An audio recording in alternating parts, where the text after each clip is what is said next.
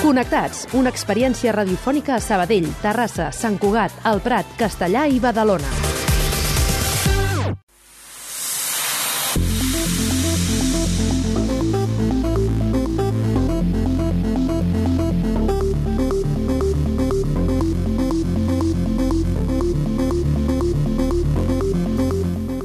Avança la recerca de solucions per treure el gust de suro del vi. Ja sabeu, allò que fa tanta ràbia quan t'has gastat els quartos en un vivó.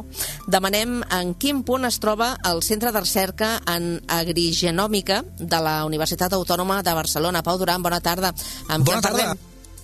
En parlarem amb el David Caparrós Ruiz, que és cap del grup de bioenginyeria de la biomassa lignocel·lulòsica. David, bona tarda. Ho he dit bé, això? Perfecte. Bona tarda. Ens has d'explicar què és per això de la lignocel·lulòsica. D'acord. Vols que us ho expliqui ja? Sisplau.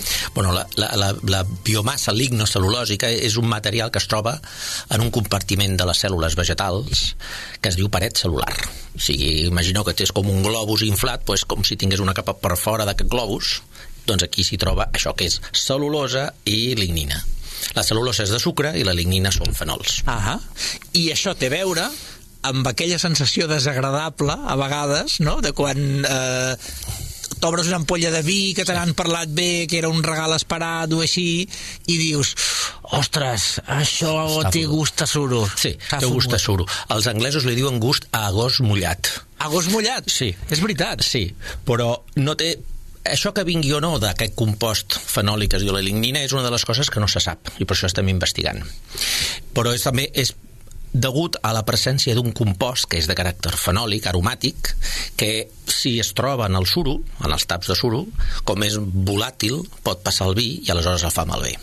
I aleshores el projecte aquest en el que estic ara involucrat del suro justament es tracta de conèixer com es genera aquest, aquest compost que és molest pels que els agrada el vi. Això, diguem que ha passat sempre, però eh, d'alguna manera, el, amb la difusió que n'esteu fent, sembla que ara potser estem en un moment particular, no? de que el, com a mínim la indústria que està desenvolupant i que està treballant amb aquests taps, ho dic perquè també estem veient que, bueno, mica en mica també es van posant taps d'altres menes, sí, no? Sí.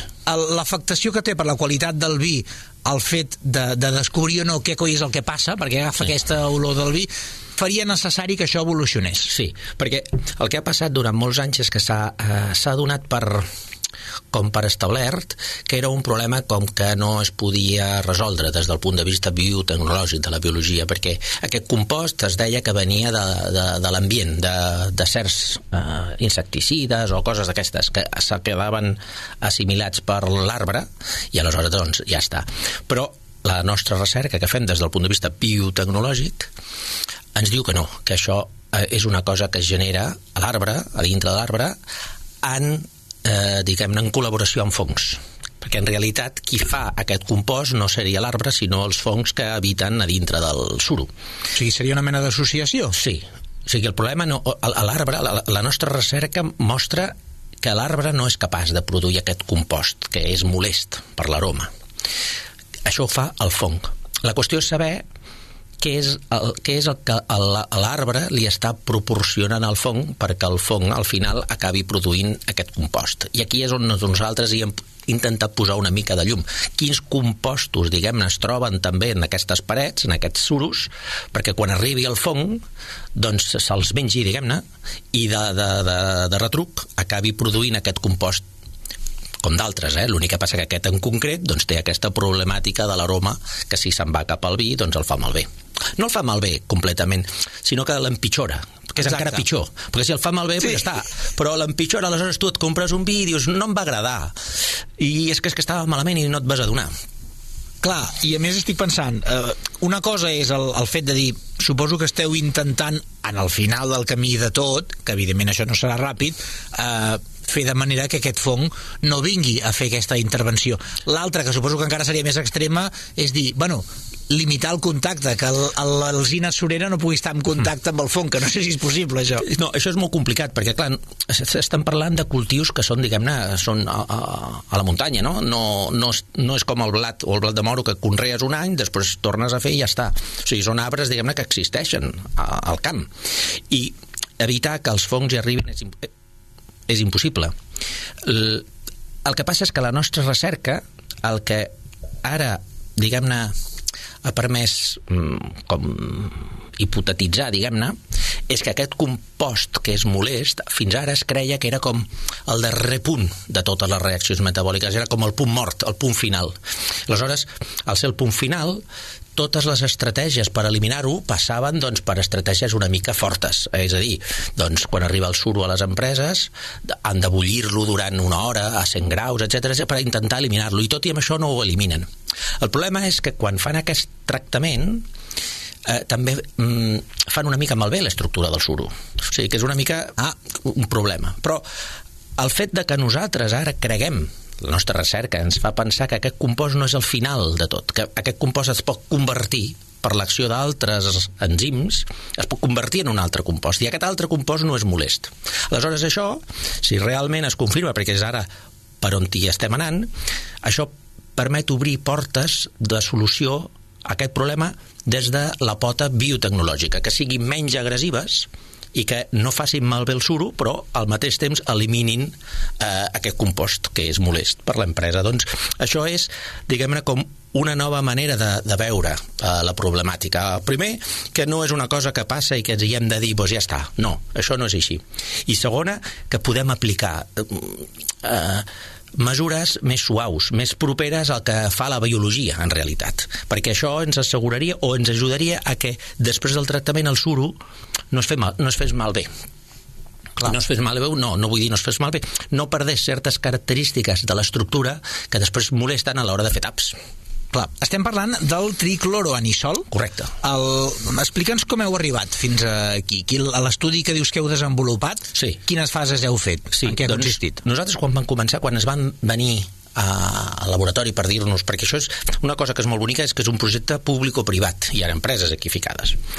Jo sóc públic, no?, però vull dir, té un, un impacte directe sobre uh, una, un, els resultats, diguem-ne, sobre un interès, no?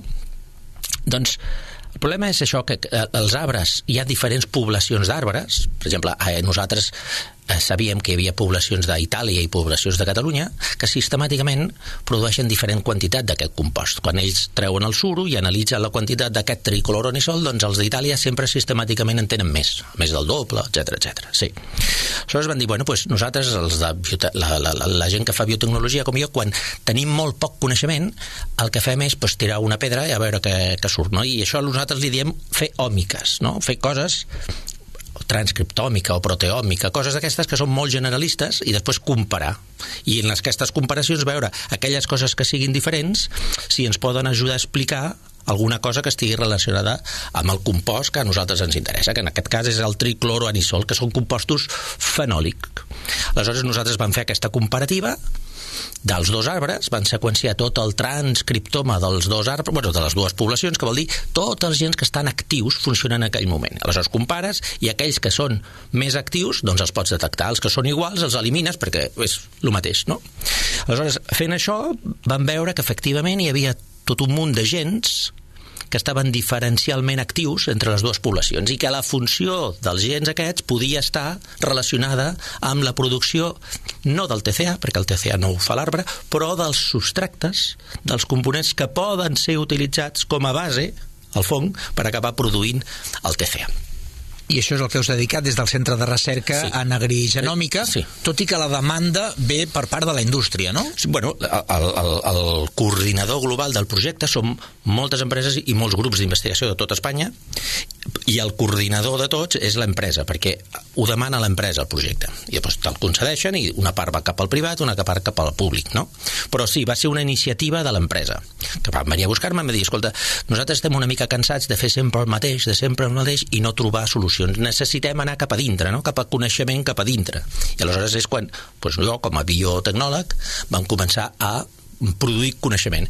I la part bonica d'això és que se li pot donar un coneixement biològic, intentar entendre el perquè de les coses. Doncs eh, si, el, si tenim això és perquè el fong pot fer això i després això i després i anar entenent poquet a poquet tot l'organigrama diguem-ne entre el que la, el suro li pot donar al fong perquè acabi produint aquest compost que es diu tricloronisol. Per què?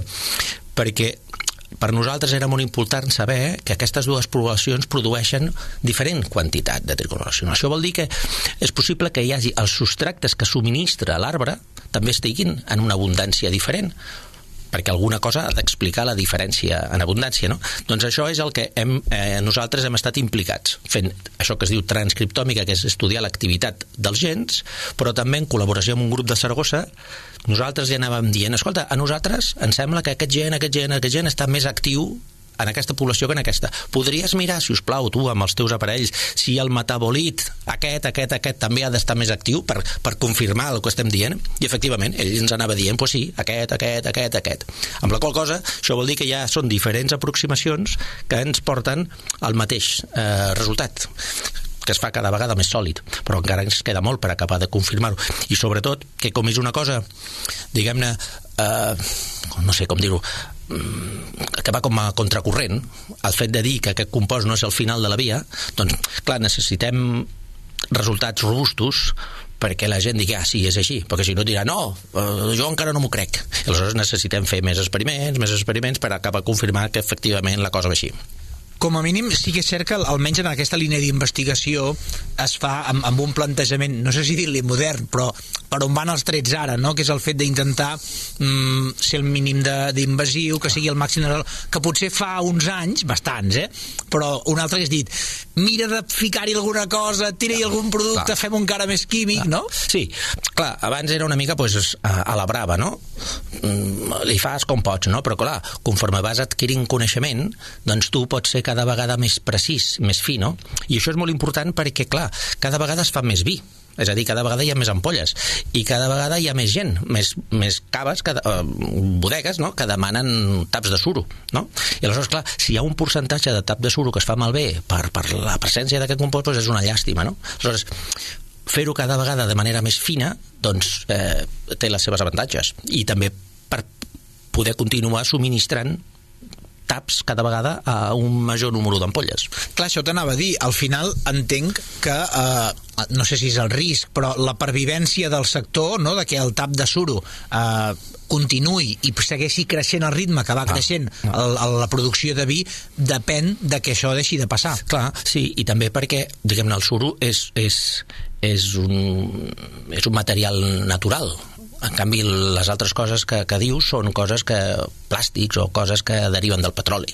Alguns són de vidre també, no? Però, clar, el fet d'utilitzar taps de suro, a part de ser una cosa, diguem-ne, un material diguem-ne, natural, també desencadena d'altres coses molt positives, que és com el manteniment de tots els camps, que estiguin nets, que hi hagin camins, i això fa que després, si hi ha incendis, és més fàcil apagar-los, perquè si es descuiden aquests camps, després allò...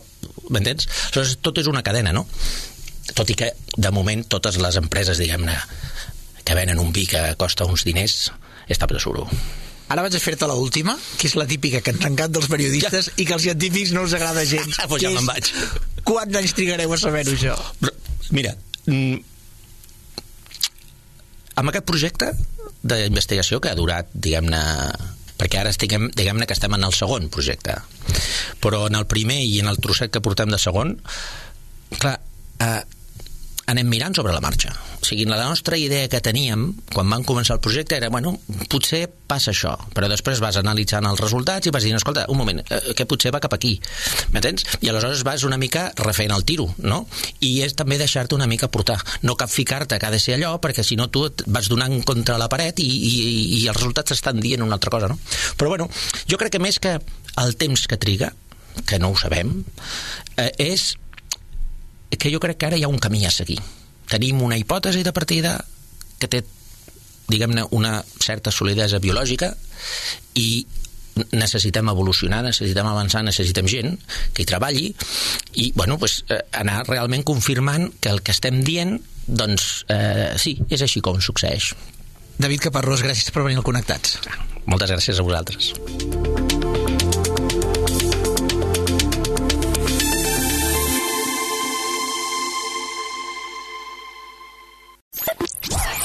Cada tarda, de 4 a 7, connectats.